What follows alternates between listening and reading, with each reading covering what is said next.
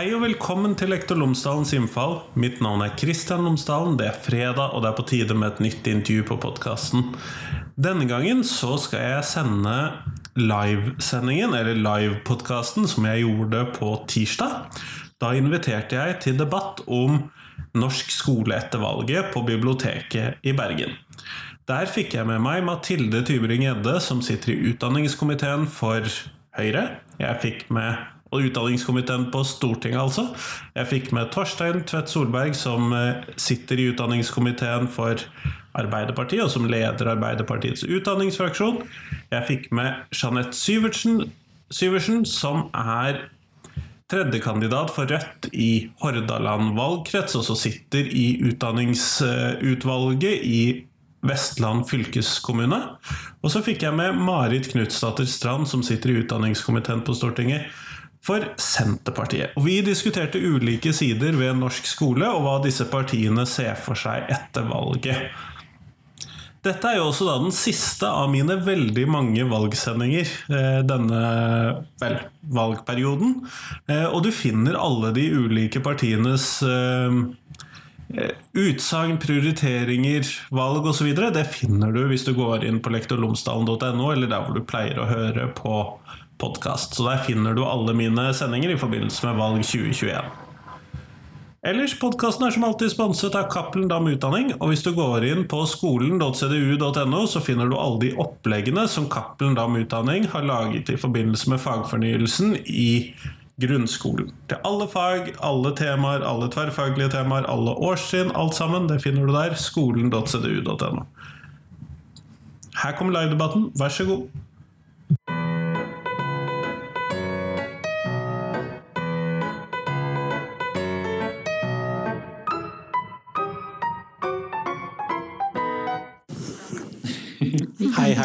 Hallo. God dag, god dag. god dag. Hei, hei, hei. Hei. Hei.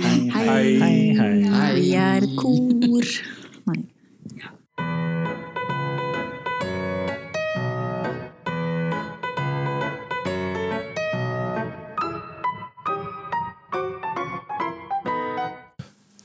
Hei og velkommen til Lektor Lomsdalens innfall. Mitt navn er Kristian Lomsdalen, og dette er en liveutgave av Lektor Lomsdalens innfall. Eh, Og siden vi nærmer oss stortingsvalget, så er det selvfølgelig stortingsvalget som er tema for denne podkastepisoden, denne debatten. Og vi må jo da selvfølgelig finne ut hva de ulike politiske partiene mener når de skal få lov til å opptre i samspill eller motspill, eller eh, med hverandre, i hvert fall.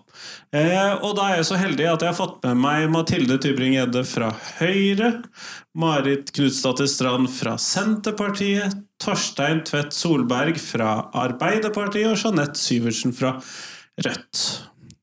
Og siden dette da skal være en del av podkasten min, så må vi som alltid starte med det faste spørsmålet.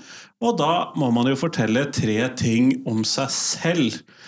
Og vi starter egentlig nærmest meg. For de som da hører dette i ettertid, så er jo det kanskje litt vanskelig å se for seg hvordan det ser ut. Men Mathilde, tre ting om deg. Jeg trodde dette var fun facts, eh, tre ting om meg. Eh, Så de fun factene jeg hadde egentlig tenkt å si, var at eh, jeg er, altså jeg er født med seks tær. Jeg har blitt velsignet av paven. Da var jeg fire år. Og så er jeg innmari distré.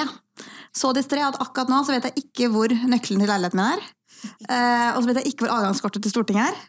Uh, men eh, når du er så distré og gjennom hele livet, så blir du veldig løsningsorientert. Så jeg mener at det er en ferdighet jeg opparbeider meg gjennom, gjennom livet. Jeg anbefaler kodelås på døren. Vi har fått nå, sånn ja, det har vi installert på den ene døren i hvert fall. Men andre, den sliter jeg litt mer med. Marit. Ja, ehm, jeg er utdanna lærer fra NMBU på Ås i 2017. Ehm, det syns jeg er litt relevant for i dag. Um, så kommer jeg fra Valdres i utgangspunktet. Og nå tenker jeg febrilsk på noen fun facts. Jo, jeg uh, syns det er litt morsomt og er litt stolt av å være eh, sertifisert snowboardinstruktør. Det vet jeg ikke hvor mange politikere som er, men det er litt fun. Jeg tror det er et begrenset antall politikere med den sertifiseringen, i hvert fall. Torstein. Eh, nei, jeg har gått for eh, fun facts. Eh, Jeg har eh, spilt og kan vel i teorien fortsatt eh, spille tverrfløyte. Mhm. Eh, er, er ganske habil eh, potetbonde, eller har i hvert fall en potetåker. Og har eh, spilt uoffisielt NM i håndball. Jeg var litt yngre. da. Jeg er litt usikker på om Senterpartiet anerkjenner den potetåkeren. Ja, den er på oss, faktisk. Jeanette. Ja, altså, jeg eh, har ikke så mye fun. Eh, Det første jeg ville fortelle om meg sjøl, er at jeg hadde et gjennomsnitt på ca. 15 dager og 10 timer fravær eh, på videregående skole. Jeg gikk allmennfag, og eh, veldig takknemlig for at jeg hadde en dedikert kontaktlærer. Og det tredje er at jeg er nå gruppeleder for Rødt i Vestland fylkesting. Eh, og jeg har eh, fast plass i opplæring og kompetanse, som det utvalget jeg sitter i. Og har sittet som vara i opplæring og helse i eh, Hordaland. Og så er jeg tredje kandidat for Rødt til stortingsvalget, og alenemamma. Og så, det tredje, det er at jeg er glad i å synge. Eh, og jeg synger eh, 'Hva er det som jeg drømmer om?' eh, ved hver anledning jeg får i partisammenheng. Og så ville jeg egentlig gå musikk, dans og drama, men jeg hadde for dårlige karakterer på ungdomsskolen. Du er ikke den eneste med litt høyt fravær på videregående, så jeg er glad jeg skal slippe oss å oppgi det. Men eh, Jeanette, du skal få lov til vi tar veien tilbake. Fordi at jeg har bedt dere om å bruke to til fire minutter på å fortelle meg hva er det som er deres eh, Hva dere ser for dere med norsk skole årene fremover. Hva er deres viktigste forslag og tanker om skolen? Så hvis du kunne begynne der. Eh, først og fremst så vil jeg si at eh, for eh, meg og Rødt så er en skole der eh, eleven blir sett. Det er prioritet nummer én. Og det må være en plass for mestring. Og jeg mener helt seriøst, holdt jeg på å si, at seksårsreformen, den har vært en katastrofe. Og det må evalueres, og vi er nødt til å få inn lekbasert læring i mye større grad. Eh, Så for Rødt så er det viktig å utvikle eh, skolen til å bli et sted der barna hovedsakelig lærer relasjonskompetanse. Eh, det er jo et sånn teit ord, men det handler jo om altså rett og slett å bygge relasjoner. Da. Og se seg sjøl i en eh, relasjonssammenheng. Få selvtillit. Eh, oppleve handlekraft. Hva det vil si å være en del av eh, et fellesskap. Selvstendighet. Og at de har en egenverdi i seg sjøl, eh, uavhengig av eh, eventuelt klassebakgrunn eh, eller eh, eh, evne til å prestere. Eh, så for Rødt er skolen et sted du skal bli sett, og da må læreren ha tid til å se eh, elevene i mye større grad, og også kapasitet, så da kommer vi over på klassestørrelse. Eh, og lærertetthet, som er begreper som er kjent i denne podkasten og i, ellers i skoledebatten. Og så mener jeg at det er veldig viktig at vi Du går jo ikke på jobb, og så går du hjem for å jobbe mer. De fleste går fra jobb og er ferdig på jobb, og det samme bør gjelde for eleven. Når du er ferdig på skolen, så skal du ha relasjon til din familie, til eh, eh, dine venner osv. Og, så og derfor mener vi at lekser ikke bør være et krav. Eh, vi vil heller ha eh, mer kreativitet og tillit inn i skolen, og mindre målstyring og resultatorientering. Eh, og så, når du kommer lenger opp i systemet, så er det viktig å ha eh, fokus på psykisk god helse i skolemiljøet. Altså, det er jo viktig for Rødt. Og vi mener at vi må investere tidlig i sunne, lekne, lærelystne barn. Eh, fremfor å prøve å reparere barn som ikke har blitt sett når de blir voksne. Så ja, eleven. Eleven må ses og må få leke mer. Tusen takk for det, Jeanette. Eh, Torstein, du er jo da naturlig nok nestemann. Hva vil Arbeiderpartiet de neste fire årene? Og det er jo et veldig stort spørsmål. vi Med skolen, da. Med skolen, bra. Eh, eh, det er sikkert mye av det vi kommer til å komme inn på, men eh, du har jo spurt litt om hva jeg mener er de største utfordringene i eh, skolen nå. Og det mener jeg er at vi har fått en skole som er altfor stillesittende, altfor teoretisk, og egentlig er ganske gammeldags, sånn som jeg eh, ser det. Der det er et for snevert kunnskapssyn som eh, har fått lov til å dominere, nå når Høyre har styrt i eh, for mange år. Og Det som jeg syns er det verste med sånn skolen har utvikla seg, er at den svikter på egentlig det viktigste. At vi skal ha en fellesskole for alle barn, der vi uavhengig av hva utgangspunkt en har, skal få de samme mulighetene.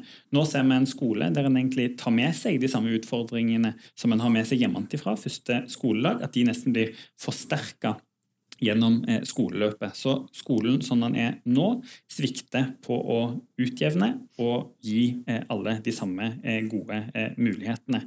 Så Derfor er det viktigste for Arbeiderpartiet at vi nå får en annen retning i skolepolitikken, som legger til grunn et bredere kunnskapssyn enn vi har gjort.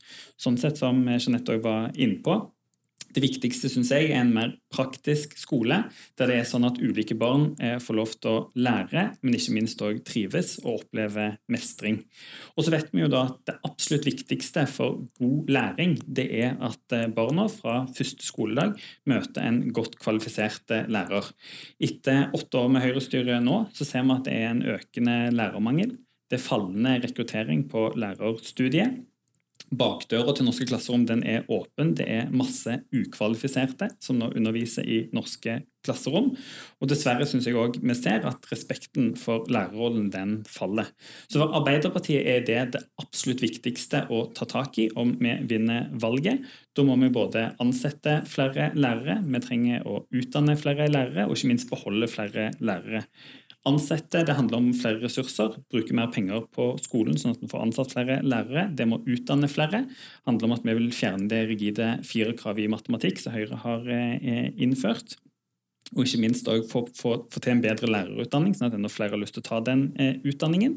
Og så vil vi også beholde flere lærere i skolen. Det er altfor mange som forlater det yrket. Og det absolutt viktigste der er en tillitsreform vi har lyst til å eh, innføre, der en skal snu, snu den målstyringen, resultatstyringen og detaljstyringen som har vært, med en tillitsreform der en gir i mye større grad tillit til fagfolkene. Og så vil vi også fjerne avskiltingen av lærere med tilbakevirkende kraft, som Høyre og de har eh, er innført.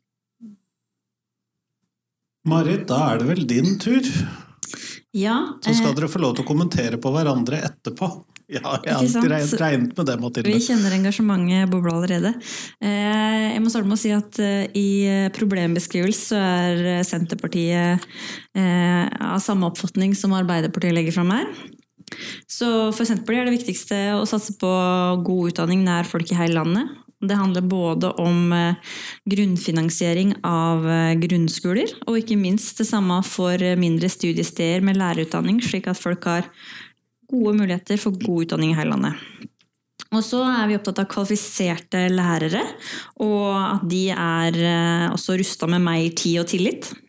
Det handler om å reversere avskiltinga av lærere som Senterpartiet har stemt imot fra dag én siden 2016.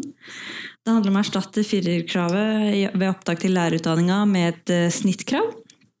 Og det handler om å redusere testing av tidstyver, slik at lærerprofesjonen får tilbake seg faglig stolthet og handlefrihet, eh, som Senterpartiet mener har blitt frarøva. Og så handler det om en god skole med gode ressurser.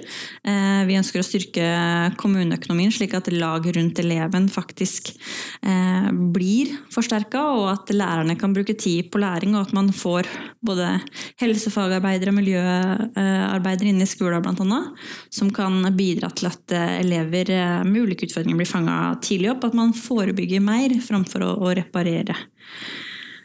Og så er det tredje punktet fra meg, fjerde punktet, eh, mer praktisk aktiv skole. Det handler jo både om å rekruttere til yrkesfag, og at eh, elever som går inn i yrkesfag har et godt faglig grunnlag og har trua på seg sjøl. Få oppleve praktisk mestring. Men jeg tror også de som skal gå en akademisk retning, har eh, stor styrke i å eh, ha med seg praktisk mestring, fordi vi også nå stadig stiller høyere krav til praksis i eh, høyere utdanning. Og det starter eh, jo selvsagt også fra skolestart, med leik på timeplanen. Og så handler det om nye læreplaner, hvor vi nå må få gått gjennom vurderingssystemet, slik at testinga i skolen faktisk svarer til det vi har som politisk målsetting nå. Altså redusert, reduserte tidstyver og, og redusert målstyring som eh, har eh, feil fokus. Vi ønsker som sagt at lærerne skal få mer handlefrihet når det kommer til eh, også vurdering i skolen. Og så handler det om praktisk-estetiske fag. En Senterparti-baby fra sist vi satt i regjering, var arbeidslivsfag. Og Der må vi videreutvikle det faget, slik at både elever og foreldre er stolte av at de har det faget som valgfag, og at de ser merverdien av det. Enten som sagt, de skal søke seg på studiespesialiserende i videregående, eller de skal gå yrkesfaglig retning. Eh, fordi vi trenger eh, flere som fullfører eh, videregående. Vi trenger at dette er elever som går ut med mestring og motivasjon for livet. Det er jeg litt opptatt av. Og rent praktisk, Du ba om praktiske tiltak òg, så da vil jeg peke på både eh, bedre finansiering av yrkesfag, mer utstyrsstipend til yrkesfagelever og bedre formidling av lærlinger. Eh, og Det er i utgangspunktet fylkeskommunene sin, sin oppgave. Men Senterpartiet vil bl.a. styrke lærlingtilskuddet, slik at det blir enklere for flere bedrifter å, å ta inn lærlinger. Mathilde, du er vel sistemann ut, da? Det, det er jeg. Altså, jeg, jeg, tror jeg kan begynne med Eller jeg, vil egentlig ikke begynne med dette, men jeg gjør det allikevel. Og det er å si at det er en del utviklingstrekk i norsk skole i dag som åpenbart de tre foregående innlederne på en måte overser. Det ene er at det er rekordmange som fullfører videregående skole, og at de som har foreldre med lav utdanning, av de elevene så er det den største økningen. Det er sosialt utjevnende. Det er noe av det viktigste vi gjør. Vi ser at det er eh, ni av ti elever i femte klasse trives godt eller svært godt. Eh, vi ser også at eh, i femteklassinger leser mye bedre etter at man startet med med tidlig innsats. Og den største økningen er blant de barna som har minoritetsbakgrunn, som leser bedre. Det er sosialt utjevning i praksis. Jeg mener at en kunnskapsskole hvor det er det er god lærer, hvor det er god undervisning som vinner i kampen om ressursene i skolen, eh, det er det avgjørende for å utjevne sosiale forskjeller. Og det er skolens viktigste samfunnsoppdrag, mener jeg. At alle elever skal ha eh, like muligheter. Alle elever er ikke like, men de skal ha like muligheter. Så mener jeg at hovedproblemet i norsk skole i dag, eh, det er at bakgrunnen har for mye å si. Det er at det er for store kvalitetsforskjeller mellom skoler. Så du er for prisgitt hvilken skole du havner på. Og man er ikke god nok til å lære av hverandre, de skolene som faktisk lykkes. Og så er det at det er for mange elever som faller av tidlig, særlig grunnleggende ferdigheter i lesing, skriving og regning, hvor de kunnskapshullene de forsterker seg, hvor de møtes med for lave forventninger til seg selv eh, av andre, og de også fører det om sin egen rolle som elev. Eh, og Det betyr at vi har 8000 elever som går ut av ungdomsskolen uten å kunne lese, skrive regne godt nok. Eh, og vi ser allerede i åttende klasse at de som er på lavest nivå på nasjonale prøver, blant de så fullfører kun 70, 30% 70% faller fra. Så kan selvfølgelig svaret på det være å fjerne nasjonale prøver. Jeg mener at svaret på det er å sette inn mer ressurser på de skolene hvor du ser at det er mange elever som mest sannsynlig dessverre ser, ut til å være henge etter. Så er det da, Hva er det viktigste vi gjør fremover nå? Det viktigste for Høyre, eh, i motsetning til de andre talerne som har lovet flere milliarder kroner til å betale for gratis skolemat, så skal vi bruke de pengene på lærerløftet, tidlig innsats, fullføringsreform på videregående fortsatt et yrkesfagløft, eh, og sikre eh, at vi særlig de første årene klarer å forbedre spesialundervisningen. Klarer man å styrke spesialundervisningen de første årene, så klarer man også å forebygge at mange elever mister mestringsfølelsen og læringsgleden.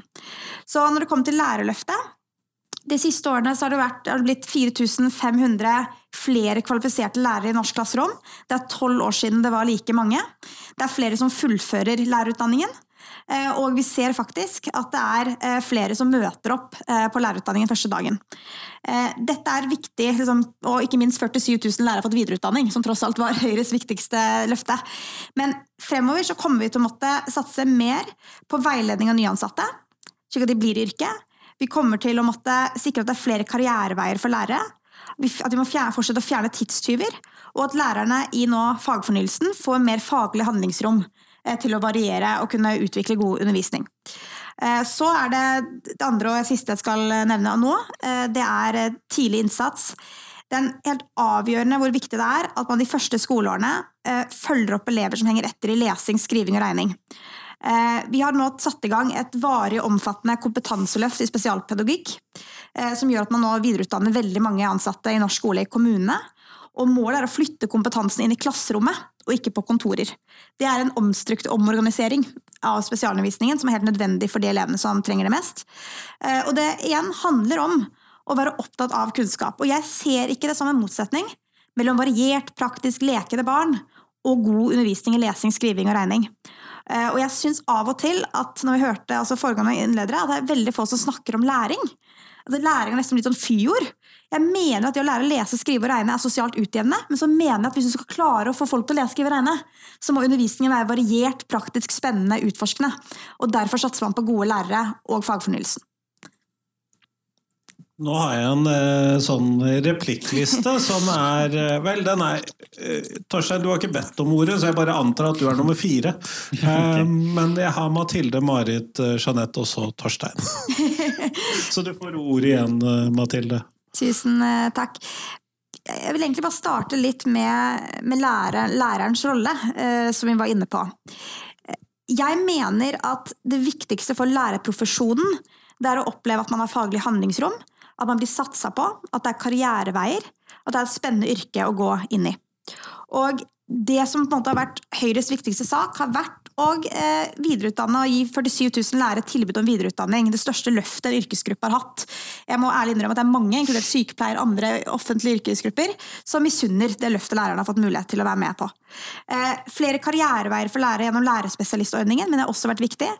Og så har vi da fått langt flere lærere i norske klasserom. Eh, Det er, liksom, det er noe av det kanskje viktigste løftet man, man gjør. Så er jeg enig at lærer, søkende, søknadene til lærer, lærerutdanningen gikk ned i år. Det eh, må vi ta på alvor. Men det er to år siden det var rekordmange søkere. I fjor var det rekordmange kvalifiserte søkere. Så det er på en måte, vi må da finne ut hva skjedde i år som gjorde at det, at det ikke kom nok søkere.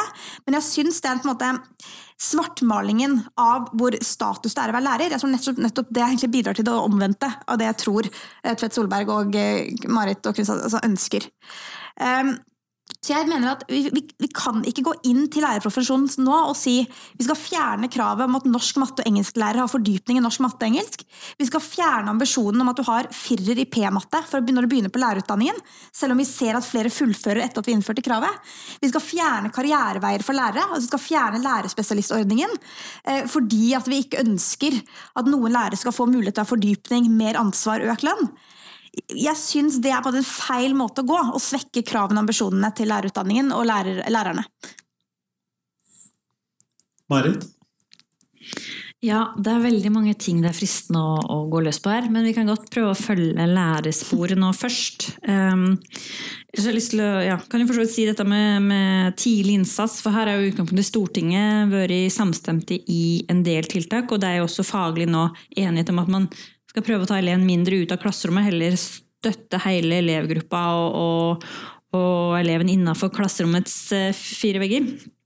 Eh, Så der håper jeg og tror at vi får til noe, men Senterpartiet har vært kritisk til bl.a. nedlegging av Statped, og at eh, PPT faktisk må få forsterka ressurser, slik at de klarer å støtte lærerne i det daglige. da.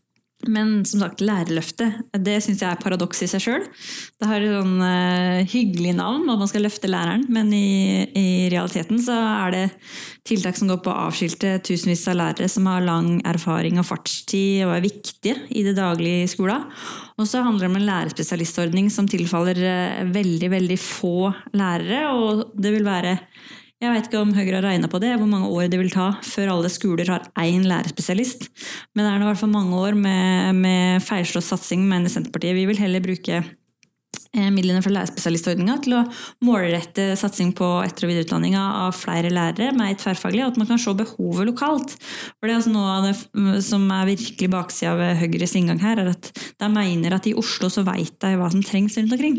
Det er helt eh, bakvendt. Eh, Senterpartiet eksempel, er bekymra for mangelen på kvalifiserte lærere innen praktiske og estetiske fag, for her står vi overfor også et generasjonsskifte eh, i nær framtid, og her er det knapt etter- og videreutdanning å få, fordi det er så eh, stor pågang til eh, tilbudet som er, selvsagt for de som blir avskilta. Både risikerer å gå ned i lønn, og kanskje kan miste jobb eller ikke få fast jobb hvis de vil bytte jobb. Så den avskiltinga er dramatisk for lærerne, og den er Senterpartiet opptatt av at vi får snudd. Kan jeg da bare få stille et faktaspørsmål først, for det var noe jeg da lurte på. Eh, Hvor mange lærerspesialister er det? Fordi at jeg, eh, På min skole så har vi tolv, sånn at eh, jeg for min del eh, har vært litt sånn Er det ikke det delt litt sånn ut med rund hånd? Men eh, det, dette vet jeg jo ikke. Ja, Det er eh, over 2000 lærerspesialister, eh, og så er det vel 600 som har tatt, begynner på utdanningen nå. Eh, så målet vårt er 3000. Eh, og så eh, har jo også et mål vi ønsker oss, er at alle skoler skal ha tilgang til en lærerspesialist i begynneropplæring for å styrke tidlig innsats. Men så det kan fort være sånn at det er noen steder så er det mange, og så noen steder så er det ingen. Men, eh, men tre- to- 2000 og 3000 er jo et fint mål. Men flott, da skal Jeanette få lov til å gå på. Eh, jeg vil bare si at det er viktig å huske at alle barn er spesielle. Sant? Vi snakker om spesialundervisning. Vi snakker om tidlig innsats.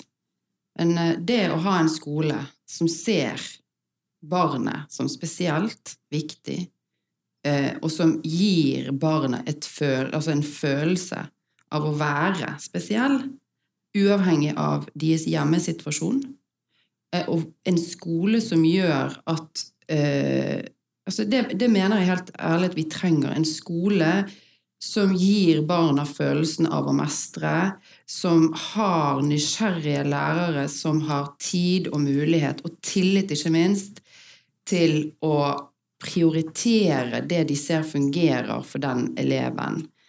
Og det får du ikke til med nasjonale prøver, med målstyring og testing og press på elevene. Jeg mener derfor at altså, det er utrolig flott å sitte her og høre både Arbeiderpartiet og Senterpartiet sin representant i, i utdanningskomiteen snakke om en helt annen, altså en grunnleggende annen type skole enn den vi har nå. Det gir meg som Rødt-politiker håp, for det trenger vi. Eh, for sånn som det er nå, så er det veldig mange barn som altså du, du kan se på ADHD-statistikken og se utviklingen i forhold til hvor mange barn som utvikler en slags eh, kompensasjonsatferd. Og hva kompenserer man for? Jo, man kompenserer jo for at man kanskje har en hjemmesituasjon der foreldrene har et enormt press. Du, har, du skal jobbe, du må gjerne være på SFO lenge. Da må vi se på SFO. Hva er det vi har i SFO? Har vi barnehagelærere i SFO? Hva med den seksårsreformen og de løftene som ble gjort i forhold til at nei, dette skulle gå så fint? Ja da, de skulle få en nydelig, fin, flytende overgang. Jeg har ikke én eneste samtale med felles foreldre med min syvåring som nå begynner i andre, som er fornøyd, og koronaen oppå det i tillegg. Eh, vi, vi, altså, vi, vi, føler at barna våre kommer hjem, og, og, og de skal lære tommelfingervurdering. I dag måtte jeg ta fingeren ned, og i dag Altså, jeg ønsker meg en skole der barna kommer hjem og forteller spent og sant, glad for at noe de har lært, og så kan vi snakke om det, og så kan vi gå på tur, og så kan vi gå ut og spille fotball. Altså, vi kan gjøre andre ting enn å gjøre lekser. Eh, Det, det, det, det er bare så viktig, og vi må også snakke om hva er innholdet i SFO, eller det som heter Aktivitetsskolen i Oslo, da, men det ellers i landet heter jo det skolefritidsordning. sant?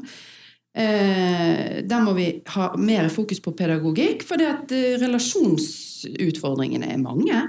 Kommer rett fra barnehagen, og så skal du plutselig leke ute. Uh, alene med masse unger. Så det er jo begrenset med voksne. Så vi må ha flere voksne. Dette er barnetrinnet. Uh, men også når det gjelder uh, yrkesfag, så vil jeg bare kommentere det som Senterpartiet sin representant var inne på i sted. Og det er utrolig viktig for Rødt å gjenreise tilliten til yrkesfagene og yrkesfagutdanningen. For den er Du ser, sånn som i Vestland, Altså Nå har koalisjonspartiene, som bl.a. er Arbeiderpartiet og Senterpartiet, ønsket å fjerne påbygg. Sant? Så vi skal ikke lyse ut påbyggsklasser. Men vi har sett oss nødt til, eller posisjonen har sett seg nødt til å innføre eh, flere klasser og utvide til og med. Fordi dette er jo elever som allerede har planlagt at de skal ta en videreutdanning. fordi at det arbeidslivet du kommer ut til som eventuelt eh, eh, utdannet med fagbrev, det er at du kanskje ikke engang får en fast jobb. Og da må vi se på arbeidslivet i sammenheng med det. Eh, vi er nødt til å gjøre noe med arbeidslivet. Vi er nødt til å gjøre yrkesfag og fagbrev synonymt med fast jobb. Og det er ikke sånn nå, og da må vi også etter Rødt sitt uh, syn få et forbud mot bemanningsbransjen, og så må vi også bruke handlingsrommet og ikke være redd for å ta i det. Og f.eks. stille krav om lærlingeplass og så videre til private bedrifter og bedrifter som mottar uh, offentlige tilskudd. Det, det, er et viktig ledd i det. Så og en annen ting eh, som jeg bare vil nevne helt på tampen, det er at Høyre har jo tross alt strupet fylkes- og kommuneøkonomien til de grader. Altså det er sånn at i Vestland fylkeskommune det kan godt hende Senterpartiet og Arbeiderpartiet skulle ha utlyst flere uh, linjer osv. Men, men det blir sagt at det ikke gjøres fordi uh, hele nullutslippsomstillingen på fergene har tatt et svært innhogg i driftsøkonomien. Sant? Det er jo et fakta. 100 millioner skal kuttes, og det går rett inn i skolesektoren. Eh, og det går utover de desentraliserte skolene. Og det går utover f.eks.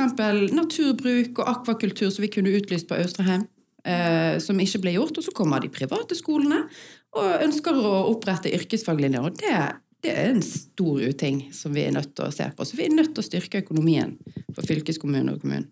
Vi skal komme tilbake til økonomien, for det har jeg tenkt som selvstendig tema. Og jeg har også tenkt privatskoler som et selvstendig tema. Eh, men eh, Torstein og så Mathilde. Men bra, Da kan vi spare de to eh, tingene. I hvert fall vi bare slenger meg på og sier at For Arbeiderpartiet så er det å få på plass en læreplassgaranti kjempeviktig. For alle de tusenvis som hvert år ikke får en læreplass, er jo Norges mest meningsløse kø. Så det må vi bare eh, fikse. Folk som velger yrkesfag, skal òg ha en garanti for å bli ferdig med eh, utdanningen eh, sin. Og så synes jeg sånn sett Det er en spennende diskusjon om liksom, kunnskapsskolen og det å lære. Jeg tror ingen, ingen er uenig om det. Skolen der skal du for å lære. Men det Høyre glemmer helt og er helt blinde for, er at hvis du skal lære godt, så må du òg trives og være trygg. Og Det er det jeg synes er den store utfordringen i skolen nå. Når eh, det blir for teoretisk og stillesittende, så er det for mange barn, tusenvis av barn som vi har snakket om nå, som da allerede fra første klasse opplever nederlag. Mm. Fordi måten en lærer på i skolen nå, når det er for få ressurser, når en ikke har tid til å ha en praktisk og aktiv eh, læring, egentlig, ja, som, som ble snakket om, ikke har utvikla den lekbaserte pedagogikken som seksårsreformen egentlig skulle ha, så så er det starten på, på, på, frafallet, og det blir for mye nederlag. Og Grunnen mener jeg til at skolen ikke er god nok i dag, er at det er sultefòr økonomi, men det skal vi komme tilbake til. men òg at den eh, ikke har fått på plass gode nok fagfolk. Eh, og Der mener jeg at Høyre egentlig har det største ansvaret for at respekten for lærerrollen nå eh, faller. Og jeg syns det er ganske skremmende at regjeringspartiet som har styrt i åtte år, ikke ser de realitetene som er ute i skolen, mer i øynene. Nå har det vært etter store advarsler to år på rad fallende søkning. Det er ekstremt alvorlig det vi ser i år. Jeg var på Stord rett ned forbi her på høyskolen. Av 90 studieplasser på lærerutdanningen det er det 25 som møter opp. Det ser vi nå på utdanningssted etter utdanningssted. Det er vel 60 utdanningssteder på lærerutdanningen nå der, lærer, der studieplassene står tomme. Altså det er, det er det, da, da, trenger vi ikke som Høyre nå snakke om at vi ser litt nærmere på det. Da må vi ha hastetiltak for å snu den, eh, den utviklingen. Det å få vekk det rigide firerkravet i matematikk det er en start, men vi må også gjøre mye mer for å gjøre lærerutdanningen bedre. Og ikke minst også snakke opp viktigheten av, eh, av eh, læreryrket. Og det tror jeg vi skal få til, da, hvis det som vinner valget. Men, eh, Torstein, Jeg har ett spørsmål til Torstein før du får ordet. Eh, fordi at Du trakk også nå opp denne seksårsreformen og den manglende lekbaserte læringen. Men samtidig så jeg mener å huske at det var en Arbeiderparti-statsminister som satt med makten i åtte av de årene hvor det da ikke har blitt gjort noe med denne lekbaserte læringen. Men Det er, det er jo helt riktig. Det var en rød-grønn regjering. da. Det var vel SV som hadde statsråden, for å være pinlig, pinlig nøyaktig. Men det er, det er helt sant at i flere år så har vi ikke vært gode nok på å følge opp både intensjonen i seksårsreformen, men, eh, eh, og jeg mener også det, jeg er veldig ærlig på at egentlig hele det politiske Norge har liksom jatta litt med på det som har vært høyresida sin dogme for skolepolitikken gjennom eh, kunnskapsreformen og Kristin Clemet sitt liksom PISA-sjokk, at vi ikke var gode nok i norsk skole. Og det eh, eh, mener jeg at vi nå må på en måte for alvor ta et skikkelig oppgjør med, og at det som trengs nå, når vi ser på realiteten i skolen nå, hvordan det har utvikla seg, eh, at, eh, at vi da må eh, ta skolen i en eh, annen retning, og at det er et skrikende eh, behov for, eh, for det. Mathilde, vær så god. altså, jeg syns av og til historiefortellingen blir, blir, litt merkelig. For la oss gå tilbake til Reform 97, da. Du skal starte der, siden det ble trukket opp. Eh, man hadde evalueringer av Reform 97 som viste at det var urovekkende mange elever som hadde svake grunnleggende ferdigheter. De elevene som hadde foreldre med lav utdanning, presterte konsekvent dårlig og falt fra i videregående skole. Det var, det var bare gjennomgående sosiale forskjeller gikk i arv. Man gjorde en evaluering av innholdet i skolen og fant ut at det var veldig mye aktiviteter så skolen var fullt av ulike aktiviteter som var sikkert praktiske. Det var påbud om at det skulle være en viss andel av undervisningen skulle være tema- og gruppearbeid. For det mente politikerne ville føre til samarbeidsegenskaper, og det likte man. Og så på en måte hadde man egentlig detaljstyring av metode, slik jeg også opplever egentlig at det er veldig mye snakk om metode rundt bordet her, hvor jeg egentlig mener det er gode lærere som skal vurdere det gjennom sin pedagogikk og sin kompetanse. Men, for, men så evaluerte man dette og fant ut at man måtte forlate skolen på 90-tallet. Rett og slett fordi de elevene som trengte det mest, lærte ikke det de skulle, og de falt ut av skolen. Så da innførte man Kunnskapsløftet, grunnleggende ferdigheter, lesing, skriving og regning særlig, som sånn gjennomgående temaer, at det skulle være en prioritet. Og så er jeg opptatt av at undervisningen for seks, syv, åtteåringer i lesing, skriving og regning, selvfølgelig skal den være tilpassa de læringsformene de lærer av. Og der er jo nettopp derfor vi har satsa på videreutdanning innenfor begynneropplæring. At man har fått langt flere lærere de første skoleårene. At vi har sikra at det er en samarbeidsplikt mellom barnehage og skole, slik at den overgangen skal være trygg for ungene.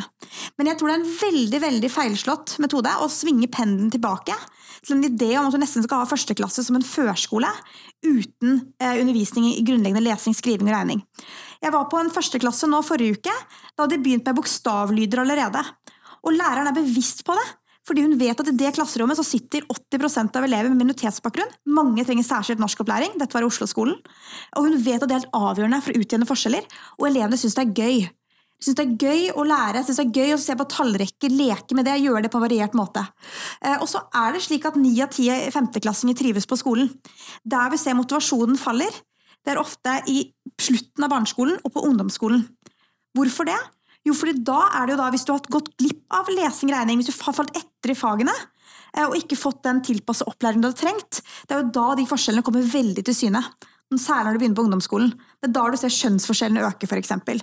Ok, så da handler det faktisk om å lykkes bedre med tilpassa tilrettelagt opplæring tidlig, og være opptatt av at elever skal lese, skrive og regne. Og så vil jeg si at du ser på læreryrket, altså Andelen ukvalifiserte lærere i norsk skole har gått ned nå to år på rad, og er på nivå og faktisk lavere enn det som var gjennomsnittet da Arbeiderpartiet styrte. Det er flere som møtte opp første skoledag nå på lærerutdanningen enn da Arbeiderpartiet styrte, og det er langt flere som fullfører lærerutdanningen. Det er viktig å ha det med oss, for det betyr at vi får flere kvalifiserte, dyktige lærere inn i klasserommene. Slik at Det mener jeg er liksom grunnlaget. Og så skal vi selvfølgelig jobbe med rekruttering. Vi skal jobbe med å gi stipend til ukvalifiserte som jobber i skolen, slik at de kan kvalifisere seg. Og vi skal sikre at det er et spennende yrke hvor du, du blir som nyutdanna fordi du får god veiledning. Det er liksom to helt konkrete tiltak, tiltak for det. Um, og så var det jo innom, bare for å nevne det, altså Vi er i gang med en fagfornyelse nå med, som nettopp handler om å slanke kompetansemålene. Mer dybdelæring, mer utforskende læring hvor elevene kan være aktive i læringsprosessen. Det er jo norsk skole i gang med, og det er jo Høyre som står i bresjen også for den læreplanreformen. Sånn at jeg syns av og til den kritikken er litt rar. Vi har jo nettopp gjort en omveltning av skolen for å sikre at man kan lære de ferdighetene man trenger i fremtida. Men jeg mener at det går an å gjøre det uten at man glemmer det viktigste de første årene, som er lesing, skriving og regning og grunnleggende ferdigheter. Og jeg tror også at det å ha åpenhet om resultater, det å ha nasjonale prøver, i femte klasse, eh, som er to-tre prøver man gjennomgår, eh, for å så på en måte kunne, kunne følge med på utviklingen på enkeltskoler i kommunen. Lære av de som har klart å utjevne sosiale forskjeller. Faktisk være interessert i å forske på hva slags har man klart eh, å forbedre resultatene over tid. Selvfølgelig det, bør det være åpenhet om det. Jeg mener at Det er en sånn grunnleggende, grunnleggende verdi i et demokratisk samfunn. At et lokalsamfunn, foreldre, vet hvordan det står til på skolene hvor de sender ungene sine til. Eh, og så, og så mener jeg at, eh, at en forutsetning for å skulle la lærerne ha bredt faglig handlingsrom, som Høyre mener de skal ha, er jo selvfølgelig at man også følger med på at elevene lærer det de skal. Eh, og jeg, jeg syns av og til at det er elevfokuset glemmes i denne debatten. Eh, nå så vil jeg snart videre på økonomi, men dere skal få lov til å komme med en kort replikk hver. Eh, så du må velge deg noe, Marit. Ja, det er så vanskelig. Det er mange ting det er fristende å svare ut. Og så kjenner Jeg også at jeg skulle litt ønske at publikum hadde en sånn rød alarmknapp hver gang vi gravde oss ned et høl på, på stammespråk. Fordi jeg er litt opptatt av at vi også klarer å, å formidle litt eh, ut hva vi egentlig diskuterer her. Men kort, eh, seksårsreformen det var definitivt Høyre og Clemet som satte den til side i sin tid. Eh, også når eh, rød-grønn regjering kom til, så tenkte vi at skolen trengte ro. Eh, og nå kjenner vi jo litt på det samme etter at det er innført eh, nå, eller, fagfornyelsen. Eh, som tverrpolitisk er gjennomslag for redusert målstyring sammenlignet med Kunnskapsløftet. Så her vinner vi fram. Læreplanene går rett vei. Men så er det dette med, med rom for dybdelæring og at jeg opplever jo at Høyre prater om veldig mange ting vi er enige om. Høres veldig hyggelig ut, men tiltaka er litt i andre enden av vektskåla fra Senterpartiets ståsted. Og jeg er veldig uenig i fokus på kunnskapshull og ensidig fokus på grunnleggende ferdighet. fordi dette er elever er hele mennesker som trenger å oppleve mestring. Og læring eh, skjer da på veldig mange arenaer. Og det med å pres skulle prestere på nasjonale prøver tror vi også er for ensidig fokus. For nasjonale prøver sier til og med Kunnskapsdepartementet at det handler om styringsinformasjon. Det sier ingenting om hvorfor elevene lærer eller ikke. Det er det jo læreren som vet. Da, Marit, var vi Jeanette, prøv å være enda litt kortere enn Marit. ja, jeg har bare veldig lyst å minne om at det er ingen som har sagt at vi nødvendigvis skal gå tilbake et sted vi har vært. Sant? For du sa det i sted, man må være forsiktig med å gå tilbake.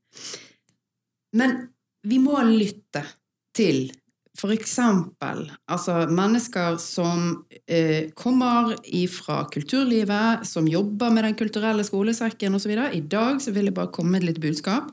Eh, så har jeg vært på besøk med Kultur Vest på de forskjellige kulturinstitusjonene. Og det som interesserer meg mest av alt, det er hvordan når kulturen ut i skolen? Og hvordan når den breie kulturen ut? Og eh, Den kulturelle skolesekken er noe vi må prioritere penger til. Og den er enormt viktig fordi vi må tette et annet hull, som er mye viktigere, spør du meg, når det gjelder de yngste barna. Liksom den, altså det handler om hva grunnleggende pakke får du med deg når du først skal begynne på det tunge faglige arbeidet. Og da må du få lov å oppleve kreativitet, du må få lov å oppleve musikk, du må få lov å få det inn i, skolen. For det, er ikke noe nødvendigvis alle familier eh, har ressurser til, eller mulighet til, eller så videre. Sant? Og eh, Bit20 sa i dag at eh, de ønsker å fylle det kreative hullet i skolen. Og jeg snakket litt med hun som drev dette, og hun sa at eh, i sommer hadde hun erfart at barn som kom på For de hadde et sommerkurs, da der de barn fikk lov å leke med musikk og skape helt uten noe som helst forkunnskaper. Eh, og jeg er musiker sjøl på fritiden og vet hvor viktig det er å improvisere, og hvor deilig det er for hjernen å på en måte få lov å leke sånn. Eh, og, og, hun sa det at barn kom der med ADHD, kanskje sant? foreldrene måtte jobbe osv. Altså, vi må forstå at samfunnet der ute nå, det er tøft for folk som sliter. Altså, ulikhetene har økt generelt sett eh, for vanlige folk. Og det skaper også et større behov for en skole som er mer folkelig, og som tar vare på alle, uavhengig av eh, hva slags styrke de har hjemme på hjemmefronten hvis de må gjøre lekser osv. Så poenget er vi må ha mer penger eh, inn på det, og så må vi også slutte med digitalisering av alt mulig nå etter pandemien. Vi er nødt til å forstå verdien i face-to-face-teater og den type ting. Det tror jeg er veldig viktig, og kommer til å bli viktig som en del av den kulturelle skolesekken. Så jeg ville bare slå et slag for det. Kjapp, kjapp replikk, Torstein. Ja, takk. Nei, Høyre sitt innlegg viser jo at eh, mattekunnskaper er viktig, for der var det veldig mye tøys med tall. For hele min kritikk av den økende lærermangelen er jo Høyres målretta politikk nettopp, som nettopp bidrar til å øke lærermangelen. For med den avskiltingen med tilbakevirkende kraft, så er det tusenvis av lærere som nå jobber i skolen, som vi trenger, som er helt avhengig av, som den statistikken ikke tar opp i det hele tatt, som blir pressa ut av skolen. Og med firerkravet i matematikk, som er altfor rigid, så går vi òg f.eks. glipp av veldig mange eh, kjempemotiverte eh, ungdommer som ville blitt gode norsklærere. Og derfor, altså, jeg mener jo at Høyre sin politikk her viser jo at de egentlig ikke er opptatt av lese, skrive, regne. De er bare opptatt egentlig av regne. Vi må jo òg ha gode norsklærere hvis ungene skal lære å, eh, å, eh, å lese. Så Men vi må da- ta den lærermangelen på alvor. Og Da er du få- ferdig, Torstein. men skal vi ta den på alvor, så må vi nå klare å innse den. Og det dessverre syns jeg det er litt skremmende at Høyre ikke klarer å innse. Du skal få en veldig, veldig, veldig kjapp replikk, eh, Mathilde. Altså, jeg, må si at Arbeiderpartiet er jo for at man skal stille krav om treer i matematikk. Så, så det er på en måte greit. Og så er det da firer i p-matte, som er det vi er uenige om. Og så er det, det fremstår som Arbeiderpartiet tenker at det er, det er den store endringen for å øke rekruttering til læreryrket. Så det er en ufattelig smal debatt. Grunnen til at vi har stilt firer i p-matte, er nettopp for vi ser at det er flere som gjennomfører lærerutdanningen, og det er færre som stryker på matematikkeksamen på lærerutdanningen. Fordi at grunnleggende kompetanse i, i norsk og i matte, som er det vi stiller særskilte krav om, faktisk har betydning. Og så er det ikke 22, det er ikke lærere som blir avskilta. Vi har sagt at innen 2025 så skal alle norsk, matte og engelsklærere som underviser i norsk, matte og engelsk, ha studert norsk, matte og engelsk. Og det tror jeg faktisk foreldre og elever forventer uansett hvor man bor. Og så er det vår oppgave å ha trøkk på videreutdanning, sånn som vi har hatt det, slik at alle får muligheten til å ta den videreutdanningen. Fjerner man kompetansekrav, så er det første som kommer til å skje, at kommunene nedprioriterer videreutdanning. Men nå har jeg lyst til å kombinere dette snakket om matte, og så skal jeg kombinere kommunenes prioriteringer. Eh, fordi at eh, vi ser jo ofte det at skole, sånn som eh, Jeanette snakket om i stad, så kan skole fort bli en eh, salderingspost når det kommer store økonomiske krav. og da har jeg litt lyst til at dere skal klare å svare med et ja, nei eller, og kanskje én setning. Så skal dere få lov til å si noe mer etterpå, men jeg vil gjerne bare at dere skal ta en sånn kjapp svarrunde først. Men kan det være aktuelt å øremerke penger til skolene ut i kommunene, sånn at man da sikrer da disse prioriteringene ut til skolene? Eh, så var jeg litt usikker på hvor jeg skulle starte, men eh, Marit? Ja, det sa jeg i stad. Grunnfinansiering av skole er noe Senterpartiet ønsker. Eh, og det er bl.a. for å, å eh, bevare flere skoler, for det er altfor mange skoler som blir lagt ned av økonomiske grunner, sjøl om det å faktisk bevare et lokalt skolemiljø, fagmiljø, er viktig. God kommabruk for å få en lang setning. Torstein? Ja, altså det er Nå sultefòres eh, kommuneøkonomien. Det gjør at Hvordan er den der metaforen om hestene bites et eller annet greier der? Men, altså det, det er det som gjør at det, det kuttes. Så vi trenger å overføre, det trengs å overføres mer penger til kommunene. Og ja, det kommer til å trengs også mer eh, øremerking for å få til mange av de satsingene vi i Arbeiderpartiet har lyst til å få til. Men da en sånn grunnfinansiering? Eller mindre øremerking enn det? Jeg vet ikke helt hva Marit egentlig mener med grunnfinansiering, men eh, du gir jo enten frie midler eller eh, øremerke, så jeg vet ikke om Marit har funnet på en ny kategori. Men eh, begge deler mener jeg for meg. Det er en ny kategori, som faktaopplysning. Ja. Det er en omfordeling, sånn at eh, alle skoler får 500 000 i grunnfinansiering. Det er faktisk det. Det er faktisk det. Eh, Jeanette? Altså, jeg, jeg er fristende Altså, jeg har diskutert et mulig eh, eh, distriktsskoletilskudd innad i partiet. Også i går så var det en debatt i eh, NRK hvor eh, Senterpartiet lanserte denne nye tanken. Og jeg tenker at det, det er flott at Senterpartiet tar initiativ til det. fordi vi har i utgangspunktet denne, dette grønne heftet, da, som jeg har lært at det heter. Og det er et sånn rart ord som dere sikkert aldri har hørt om eh, i publikum eh, før. Men det er på en måte de styrende mekanismene man har eh, for de frie og de på en måte bundne eller øremerkede midlene. Og egentlig vil vi jo ha mest mulig frie midler, fordi vi ønsker jo at skolene skal ha frihet til å liksom velge sjøl. Men vi for må sikre at de går til skolen, i hvert fall. Ja. Eh, Mathilde? Altså Nå styrer jo Senterpartiet og Arbeiderpartiet i veldig mange kommuner, og mange flere kommuner enn Høyre, så jeg må si at derfor er det veldig fristende å øremerke. For pengene går jo ikke til det de skal i mange av de kommunene. Men eh, jeg mener jo at man skal ha en, en god sum frie midler. Det er jo det også vi har satsa på, fordi at lokaldemokratiet er viktig. Det er der, det er der på en måte de gode beslutningene tas nærmest folk, eh, og nærmest skolene og lærerne eh, og foreldrene. Så i utgangspunktet så mener jeg at det skal være frie midler først og fremst, men vi har jo også øremerka noen satsinger. Eh, Og det vil jo være nødvendig. For Vi har gjort det på skolehelsetjenesten, eh, vi har gjort det på lærernormen, har jo på en måte vært, blitt tvunget til øremerking. Så vi har jo eh, vært med på det også. Eh, Men det må være en god balanse. Ja, Marit ba først om replikk, og så Jeanette. Ja, eh, sitat Høyre, pengene går ikke til det de skal. Altså, eh, sitat slutt. Eh, Vi har jo eh, i det norske samfunnet stor tradisjon for at eh, lokaldemokratiet er det som avgjør og styrer. Og det mener jeg er viktig, et viktig prinsipp, vi skal hegne om det. Samtidig så har vi nå både vedtatt lærernorm eh, og bemannings- og pedagognorm i barnehage. Og eh, gjort eh, en del eh, grep overfor kommuneøkonomien som gjør det stadig tøffere å ha handlefrihet. Mange steder er jo 80-90 bundet opp i lønn. Bare i lønn til de kommunalt ansatte.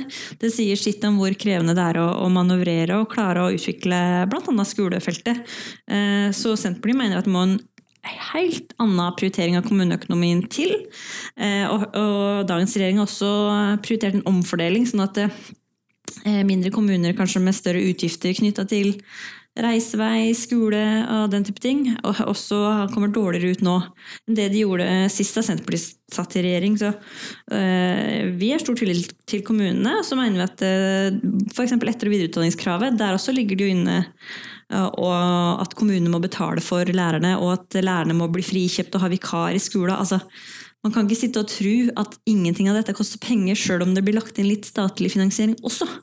Så det må bli lagt til en mye tydeligere prioritering og eh, finansiering fra statens side. Jeanette.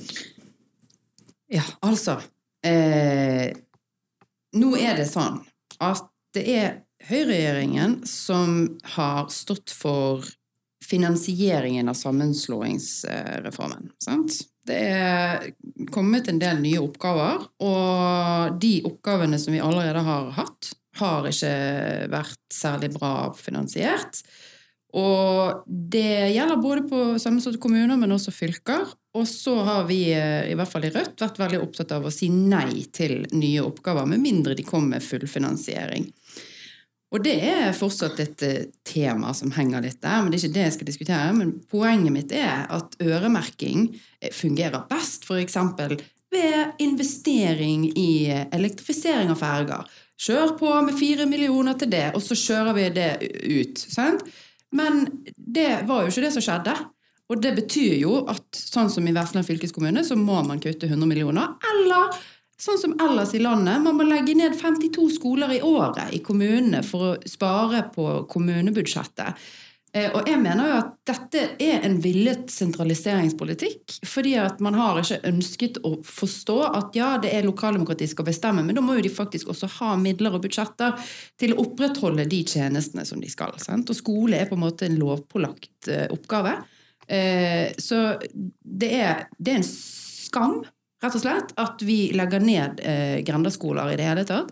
Og Rødt har aldri vært med på å legge ned skoler. Vi har tvert imot stått med befolkningen og kjempet for det. Eh, og det er litt synd at det er en sånn nesten tverrpolitisk ja, Ja, for dette husker jeg jo også fra både 90-tallet og fra alle regjeringene på 2000-tallet. Ja. Og det er, det er på tide å snu den trenden. Og hvis vi skal snu den trenden, så må vi si nei, vi skal ikke legge ned den eneste skolen. Og det, det verste er at folk ute altså Du så det på Debatt i NRK, jeg vet ikke om dere fikk det med deg. Fikk det med dere, men, men det er utrolig trist å se både i forhold til vindkraftsaken, men også i forhold til grunnskolene og grendeskolene, at engasjementet i lokalsamfunnene er så store, og så vinner de jo ikke gjennom et sted i verken storting eller regjering, for den saks skyld. Og det, Derfor mener jo jeg at det er på tide at Rødt kommer eh, inn med en svær gruppe på Stortinget. For da kan det hende vi kan holde både Arbeiderpartiet og Senterpartiet og eh, SV i øret på disse tingene. Da har jeg Torstein, Mathilde og Marit. Men altså, nå har vi jo de siste årene hatt det strammeste kommuneopplegget på veldig lenge. Derfor blir det kutt rundt omkring. Og det som er helt absurd å høre på når, når Høyre og Mathilde snakker, er jo at en helt fraskriver seg det ansvaret som regjeringen har. Det er de som legger hele rammene for, for hva kommunene i det hele tatt har av handlingsrom. Og det har vært eh, den, eh, det strammeste kommuneopplegget på, på, mange mange år. Og Det en ikke snakker om, selvfølgelig, er jo at eh, en har tilført eller legger på nye oppgaver uten å legge til nye ressurser. Det er befolkningsøkning uten at en egentlig følger opp med nye ressurser.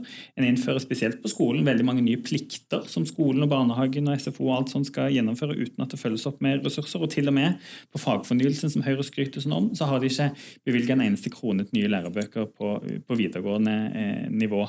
Så det, altså, så det, er et behov for en helt annen satsing på fellesskolen og på velferdsstaten. Og det er enorme konsekvenser da, av den sultefòringen som Høyre sier har hatt de siste, siste, åtte årene. Så det er det veldig viktig at vi, eh, at vi får, eh, får, Men da tenker jeg at Mathilde må få svare på det. Nå er det jo tre mot én her, så det er, det er, fint å få svart på. Jeg har litt tålmodighet på klokka på deg. Ja, det er, det er hyggelig. Altså, si det ble lagt ned flere grendeskoler da Senterpartiet styrte, enn det ble gjort de siste årene. Og de stedene hvor det nå legges ned, er jo også der Senterpartiet styrer. Så det er, måte, det er litt sånn, det er grenser for mye man kan skylde på staten. Man stiller ut til valg til, i, i, kommunestyret fordi man faktisk har et handlingsrom i kommunene. Og nå har man faktisk hatt et større handlingsrom de siste årene enn det man har hatt før. Altså, på, I fylkeskommunene har dobbelt så mye penger på bok på disposisjonsfond enn de hadde i 2013. Eh, kommuneøkonomien er blitt styrka, og fylkeskommuneøkonomien er blitt styrket med 34 milliarder kroner. Eh, altså jeg er selv, er selv, i Oslo, hvor man har fått eh, liksom, flere milliarder kroner som man kan bruke på skole, men likevel så er skole prioritert ned. Samtidig så bruker Arbeiderparti-styrte kommuner, Bergen som vi er i nå, bruker nå, skal bruke flere hundre millioner kroner på å kjøpe private barnehager bare for å drive dem selv enn å bruke det på kvalitet i barnehagen og kvalitet i skolen. Så det er jo politiske prioriteringer også i kommunene. Man kan ikke liksom late som at, at, det ikke er noe man selv påvirker. Selvfølgelig er det det. Eh, og jeg kan godt stå oppreist og ta ansvar for prioriteringer Høyre har gjort i høyrestyrte kommuner, eh, uten å skylde på Arbeiderpartiet hver eneste sving. Og det håper jeg egentlig at de samme som styrer sine kommuner, kan, eh, kan gjøre. Og jeg kan legge til at det er rekordfå kommuner på Robek-listen. Altså kommuneøkonomien generelt har blitt styrket. Og så er jeg må jeg si at jeg hører ehm, eh, Marit snakke om, om eh, viktigheten av liksom, at det skal være mulig å ha desentralisert skoletilbud. Det støtter jeg. Men det jeg syns er litt mer urovekkende, er at det virker som Marit vil gå tilbake til den ordningen vi hadde før. For Før så var det slik at hadde du kommuner som hadde store sosiale utfordringer, så fikk man ikke ekstra kompensert for det. Det endret vi. Vi endret det slik at kommuner som nettopp f.eks. har veldig mange barn i lavinntektsfamilier, veldig mange barn trenger særskilt norskopplæring, og de fikk kompensert ekstra for det. Eh, det mener jeg vært, er veldig viktig for å utjevne sosiale forskjeller. At du faktisk tør å si at det er forskjell på en skole hvor du har 30 elever, og en skole hvor du har 800 elever, hvor mange trenger særskilt norskopplæring, eh, og har foreldre med lav utdanning og på annen måte trenger ekstra oppfølging. Såpass eh, må vi være fremoverlent hvis vi skal løse noen av de store sosiale utfordringene vi har. Kan jeg ta en replikk? Nei, for det er en kø på replikker. Marit, så har vi Jeanette. Ja, eh, for å starte med skolenedleggelser. Senterpartiet mener at nå må vi ta til fornuft. Og det tenker jeg også er en anerkjennelse at nå har vi lagt ned nok skoler.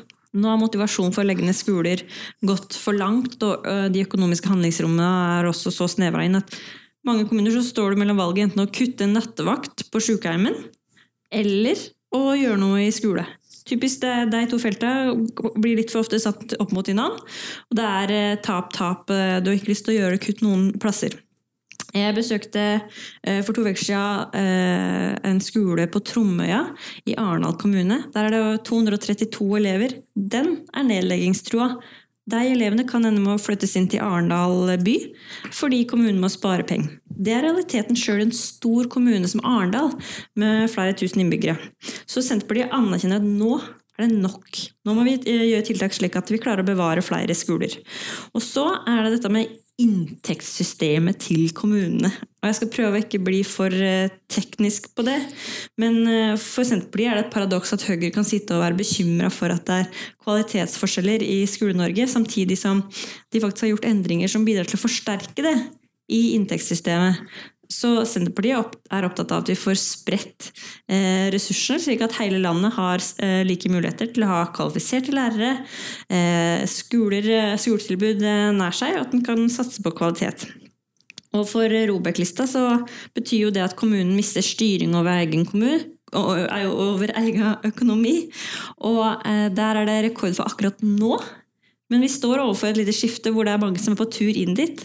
Og det bekymrer meg, fordi eh, nå har vi hatt eh, koronapandemi som har vært beintøft for alle eh, på ulike måter.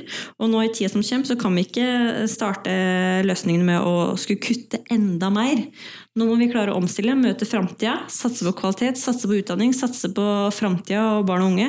For det er faktisk deg som eh, burde få mulighetene og lyset i tunnelen nå, etter alle de nedstengningene og smittevernrestriksjonene vi har hatt.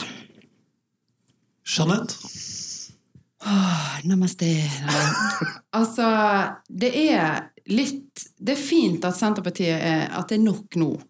Men det er noe med at det er viktig å innse at egentlig den Altså, det å legge ned skolene over så lang tid, ha en politikk der man på en måte nesten stilltiende aksepterer denne kutt, kuttagendaen i kommunesektoren osv., det har jo bare spilt på en måte politikken videre over i hendene på Høyre. Altså det, det, er jo en drøm for Høyre, det som skjer nå, egentlig, når du hører foreldrene som uttaler seg om sant? Når journalisten spør ja, hva skal du gjøre nå da når grenderskolen blir nedlagt, nei, altså enten så må vi jo flytte. Det betyr jo at det blir ikke god distriktspolitikk. Det blir ikke gode, trygge liv i for barna som vokser opp. De må jo plutselig miste sine barndomsvenner som de har gått i bleie med på si, barnehagestadiet og skulle gått på barneskolen med. Eh, eller, som han sa, vi må finne en privatskole. Og det er jo et ekstremt stort problem som vi ikke kan måte, være blinde for. Og det, der må jeg dessverre kritisere Senterpartiet for ikke å være modig nok da, til å faktisk kritisere eh, den eh, høyrepolitikken som går på at man skal gi skattelette til de rikeste, og så skal man strupe de kommunesektoren, og så skal man bare åpne opp for privat eh, skole. Og eh, det er greit nok med ideelle skoler osv., men eh, kommersielle skoler holder jo på å ta over, eh, i hvert fall i bergensregionen og mange andre steder på videregående nivå. Og da er det på tide å faktisk forstå at det er en sammenheng mellom på en måte liv og lære. Da. Altså, da må man faktisk satse på å bygge den offentlige skolen. Og sånn som det er nå, så er den offentlige skolen egentlig bare skakkskjørt. Og det er utrolig trist, for de får ikke nok midler til å bygge kvalitet. Og derfor er det faktisk også veldig mange i Bergen, altså både foreldre og elever, som velger seg over på private skoler fordi de er bedre, det er mer eh, kreativitet, bla, bla, bla, slingringsmonn og eh, utstyr osv. osv. Og ja, vi jo, Det henger jo sammen med økonomi, da, men altså, vi må se helhetlig på det. Og eh, barnehagesektoren Hallo, vi vil jo ha velferdsprofitørene ut! Da må vi bruke penger på å kjøpe opp de eh, dessverre barnehagene som har blitt privatisert, hvis vi skal kunne ha demokratisk styring på de. Eh, og så, ja, etter Rødts syn så må vi også være veldig veldig forsiktige nå med yrkesfaglinjene. For det at friskoleloven har jo blitt åpnet og liberalisert enda mer, sånn at de skal også kunne, private skoler skal kunne søke om konsesjon på yrkesfagene. Det syns jeg er en stor uting. For det, det er demokratiske eh, avgjørelser som må tas i forhold til hva linjetilbud eh, man skal utlyse, i forhold til hva arbeidslivet trenger osv. Eh, for at vi skal få lærlingplasser til alle, og at det ikke bare skal si, gå butikk i skole. Da. Det, faktisk, det er jo livene til folk vi snakker om. De skal jo få seg en jobb og et liv etterpå, holdt jeg på å si. Så ja. Skal ikke snakke meg vekk, men uh... um.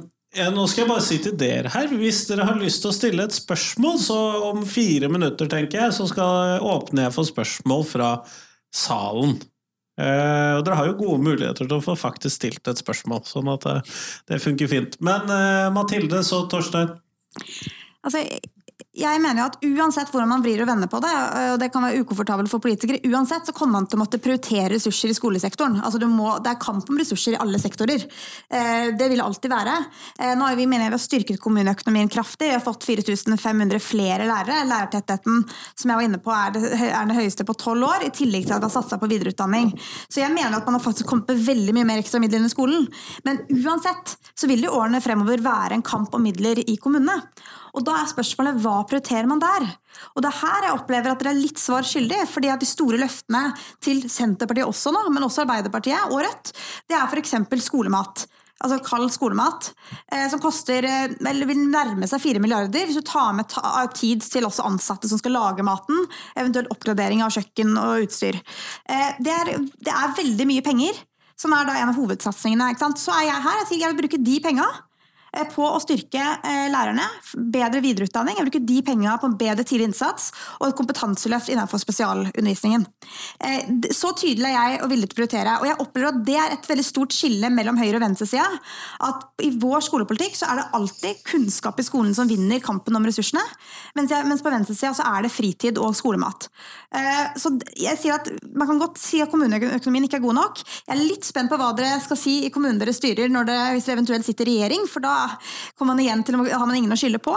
Eh, men samtidig så mener jeg at man må være villig til å være ærlig på hva man skal prioritere fremover. Eh, og Der har Høyre vært eh, krystallklare, og jeg opplever at vi har jobbet systematisk med noen hovedsatsinger over åtte år. Og vi har ikke endret hva som er vår hovedsak annethvert år, som visse andre partier har gjort. Torstein?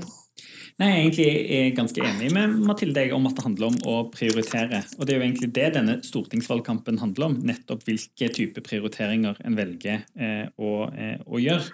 Og eh, Det er jo sånn sett interessant at eh, Høyre alltid har lyst til å diskutere skolemat. Ingen av oss som har nevnt det, men det er liksom Høyre om alltid det var din, det, det hovedsak. La meg, la meg snakke nå. Eh, for eh, Det syns jeg også er veldig beskrivende på hvordan en tenker om, eh, om, kunnskapssynet. For vi klarer nettopp å prioritere i Arbeiderpartiet sine budsjetter både en milliardsatsing på flere lærere, vi klarer å få til en bedre lærerutdanning, og vi klarer å få til gratis skolemat, gratis SFO, billigere, billigere barnehager. Men Høyre de har prioritert helt annerledes. De har nå, bruker nå nesten en halv milliard på en dårlig lærerspesialistordning for noen få favoritter for Høyre og eh, rektorene. Og kanskje den mest sånn beskrivende prioriteringen synes jeg, fra, fra høyresida må jo òg være den enorme økningen i privatskoler. For nå går 6 milliarder kroner ut av fellesskolen inn i privatskoler hvert eneste år. Høyre har dobla antall elever som går i private, private skoler. Og for 6 milliarder så mener du kan få veldig mye bra skole og veldig mange, eh, veldig mange flere lærere. Så ja, politikk handler nettopp om prioriteringer. og jeg mener Vi har hatt en høyreregjering nå i åtte år som har prioritert virkelig helt feil. Og pilene i skolen peker helt feil eh, vei. og Derfor må det prioriteres annerledes, eh, for vi trenger en ny retning i skolepolitikken. Mathilde kjapt, så Marit kjapt, og så Jeanette kjapt. Altså, Arbeiderpartiet har I 2019 så var skolemat deres viktigste sak. Det var det dere skulle satse på. Og så kan det kunne godt vært at dere nå hadde sagt vi har ombestemt oss. Vi innser at skolemat ikke er så viktig likevel, at det er andre ting som er viktigere, sånn som Høyre sa. Men dere går jo til valg på å innføre skolemat igjen, og det koster rundt, rundt opp mot 4 milliarder kroner. I deres alternative budsjett har dere lagt av 300 millioner kroner. Under 10% av hva det vil koste. Så det er litt vanskelig å tro at dere har fått til å kombinere alt, når deres alternative budsjett viser noe helt annet. Og, Nei, det, er jo, det, er jo, Mathilde, det er jo helt feil. nå, må du, nå, nå, nå, nå snakker Mathilde feil om vår politikk. Nei, nei men Alternativt budsjett er 300 millioner kroner. Ja, og vi, skal, vi, vi Vårt alternative budsjett går både opp, og vi klarer å prioritere mer penger til Torstein, du er midt inne i Mathilde sin uh, replikk. Jeg, jeg tror uh, Mitt poeng står vel seg. Altså, jeg er enig at dere har satt av 300 millioner kroner, men igjen, det er ikke det det koster. Det koster veldig veldig mye mer. og Det er det som er mitt problem. Dere har kommet med løfter på skolesektoren som handler om veldig mye annet enn det viktigste for elevene. Som koster veldig mye penger, og som jeg tror kommer til å spise opp kommunebudsjettene i årene fremover. Og så kunne jeg vært veldig fristende for Høyre å stå i debatter og si at vi er også for det. Da, hadde jeg, da hadde jeg sluppet å måtte forsvare at jeg ikke er prinsipielt mot skolemat, for det er jeg ikke. Men jeg er mot at man skal bruke milliarder av kroner på det, for jeg mener det er større, viktigere utfordringer i skolesektoren som vi må løse i årene fremover. Og det handler om å utjevne sosiale forskjeller på innholdet i undervisningen. På de elevene som henger etter i, i fagene. Eh, og så vil jeg si at det å begynne å snakke om lærerspesialistordningen som at det er noen favoritter til rektoren altså, Det må være et visst sånn, nivå man skal legge seg på. Det å satse på at det også er karriereveier for dyktige lærere som, som har lyst til å jobbe i skolen.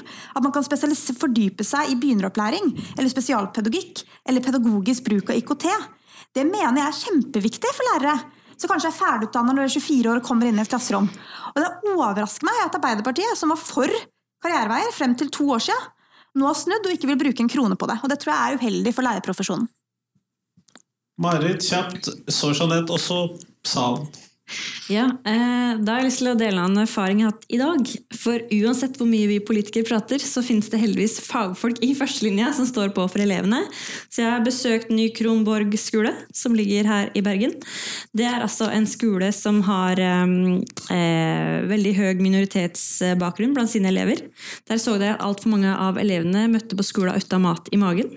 Og da satsa de på skolemat. Og i tillegg så har dere begynt med skolehage, altså kjøkkenhage på skolen, og lager til og med litt egen mat, grønnsaker. Det syns jeg er utrolig kult, for der kunne de da fortelle oss politikere som besøkte deg i dag fra Senterpartiet, om at de ser den, at dette har effekt for læring og skolemiljø for elevene. Både med skolemat og eh, kjøkkenhage. Så det er gode tiltak som man både kan realisere med statlig innsats, som Senterpartiet ønsker, men selvsagt også med ildsjeler som står på å brenne for elevene sine hver eneste dag. Jeanette? Ja, eh, jeg eh, vil bare minne alle som hører på, som sitter her eh, nå, om at Rødt kommer til å hjelpe Arbeiderpartiet med å skaffe de pengene som de trenger for å fylle skolen med matkultur og annen type kultur og mer kreativitet og mer aktivitet og praktisk lekelæring for elevene ved å stenge ute de private skolene og velferdsprofitørene ifra både barnehage, ifra skolen og ifra barnevernet. Eh, og vi mener også faktisk det, og jeg helt personlig har jeg vært veldig eh, provosert på Bergen private gymnas og på Metisakademiet, som har blitt etter tilsyn fersket i å ta utbytte Eh, noe som er et brudd på friskoleloven. Og jeg mener at de burde miste konsesjon, og den skolen må tilbakefalle, det offentlige. Og det betyr at elevgrunnlaget også tilbakefaller, og at vi begynner å nærme oss det som du snakker om. Eh, å ta tilbake de inntektene og faktisk da bygge opp igjen den offentlige skolen og ruste den skikkelig. Og det syns jeg er flott å høre, å møte en Arbeiderpartipolitiker som har eh, det som en, eh, ja, en nærliggende hjertesak. Det er flott, det. Jeg skal hjelpe deg, jeg. Jeg lover deg. Og så, mm, så vil jeg bare si at jeg eh, håper at folk stemmer på Rødt. da er spørsmålet mitt, er det noen spørsmål i salen? Jeg tror ikke vi rekker privatskole. Eh, kan jo kommentere det. Vi prøvde. Nei, men vi kan rekke privatskoler, vi. Eh, det går fint, det. Eh, Mathilde, hva tenker du om svartmalingen av de private videregående skolene? Nei, altså 95% av eh, norske eh, grunnskoleelever går eh, på offentlig skole. Det er det jeg har brukt all min energi og våre ressurser på de siste årene for å, for å styrke. Fordi det er utrolig viktig. Og så mener jeg at det må være rom for at uh, noen som ønsker et annet pedagogisk alternativ, har mulighet til å søke seg til det. Uh, og jeg mener igjen at, det, at liksom, friheten uh, og makten bør ligge hos foreldre og elever for hvorvidt de ønsker eventuelt et alternativ. det finnes mange gode friskoler som tilbyr noe som kanskje ikke jeg har tenkt å sende barna mine til en dag, men som andre ønsker seg. Og jeg har vært i en del debatter med en del representanter fra, fra Arbeiderpartiet SV og sånn, om dette spørsmålet her, og jeg tenker at vi er et samfunn hvor, vi, hvor, den store majoriteten velger veldig likt. Altså Vi jobber ganske normale arbeidstimer, vi sender barna våre i barnehage, vi sender barna våre i en offentlig skole. Men faktisk i dag så er det ikke skoleplikt, det er opplæringsplikt. Så det er mulig eksempel, å undervise sine barn på hjemmeskole. Uh, og det å da kunne si at uh, når det er en mulighet, det å da si at man også kan etablere friskoler, selv om det kanskje også er litt få elever på noen av de skolene, jeg mener at det må, må være rom for. Eh, Så skal vi selvfølgelig ikke tillate nye friskoler dersom det går utover det offentlige skoletilbudet. Eh, Og det har konsekvenser for det offentlige skoletilbudet. Og det er jo en del av i opplæringsloven allerede, allerede regulert. Men jeg syns ikke det er et veldig stort problem at noe velger noe annet. Og så kunne jeg ønske at man heller hadde brukt tid og ressurser på å gjøre den offentlige skolen bedre, for det gjør Høyre. Eh, Jeg har egentlig bare et siste spørsmål, fordi at eh, vi går veldig tett på klokka her, og jeg tror jeg kommer til å sløyfe det aller siste spørsmålet mitt. Det har jeg uansett stilt de fleste av dere før. Men eh, Marit, mange, hvis vi ser bort fra Bergen sentrum, da, så er en stor andel av de private skolene i Norge de kommer nettopp ute i distriktene. Er ikke dette et problem eh, Eller spørsmål, er dette et problem sett fra Senterpartiets øyne? Senterpartiet mener nok at eh, det er jo et motsvar mot en del skolenedleggelser. Det oppstår for å bevare nærskoler og et tilbud til eh, der eh, den kommunale skolen blir lagt ned. Det skjer altfor ofte. Og så er det også en utføring med at det blir godkjent eh, nasjonalt gjennom eh, Utdanningsdirektoratet da, at det kommunale handlingsrommet her faktisk blir eh, overkjørt og satt til side altfor ofte. Så må jeg også bare si at jeg tar litt avstand fra retorikken til Rødt her, fordi velferdsprofitører har vi fått dokumentert nå at eh, ikke er et tema i norsk sammenheng. Og vi har utfordringer med eierskap og oppkjøp, eh, men det er ikke eh, noen som sitter og tar ut store utbytter i norsk offentlig sektor. Men så er jeg enig i at et for stort innslag av private aktører blir et problem fordi du mister da eh, noe av råderetten til kommunene og de folkevalgte i kommunene på elevplasser, skoletilbud, eh, barnehageplasser og utviklinga eh, fram i tid. Og det mener jeg er en reell problemstilling. Der hvor vi nok eh, ikke er helt på linje med, med Høyre, men eh, som sagt ikke helt på linje med Rødt heller.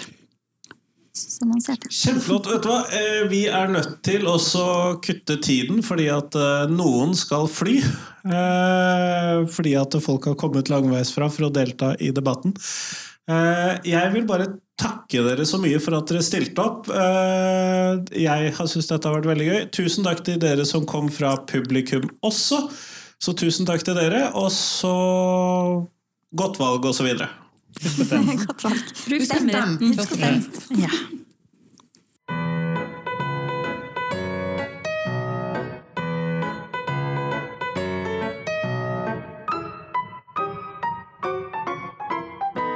Tusen takk til Torstein, Marit, Jeanette og Mathilde, og tusen takk til deg som hørte på hjemme. Nå er det fram til tirsdag, så kommer det en ny episode på podkasten, og jeg tenker at fremover så skal vi klare å holde det til to podkastepisoder i uken. Jeg skal jo begynne i ny jobb, sånn at eh, jeg må jo finne på noe annet å bruke hverdagen min på enn dette. Men det har vært utrolig gøy å lage podkastepisoder tilknytning til valget, og for første gang klare å få med alle partiene som ligger an til å komme på Stortinget, pluss noen til av de nyregistrerte, men med da full partiregistrering, partiene. Så det har vært veldig gøy. Ellers, eh, hva er det du bryr deg om? Eh, hva er det du har lyst til å vite? Hva er det du vil ha på podkasten? Hva er det du vil høre om? Hva er det du er interessert i? Send meg det. Hvis du har lyst til å bli intervjuet, fortell meg hvorfor. Send meg det også. Det ligger et skjema på nettsiden til podkasten, eller så kan du ta og gå og sende meg det hvor som helst ellers, hvor du klarer å oppdrive navn og e-post og så videre. Men lektorlomsdalen.no. Men ha en fin helg. Hei, hei!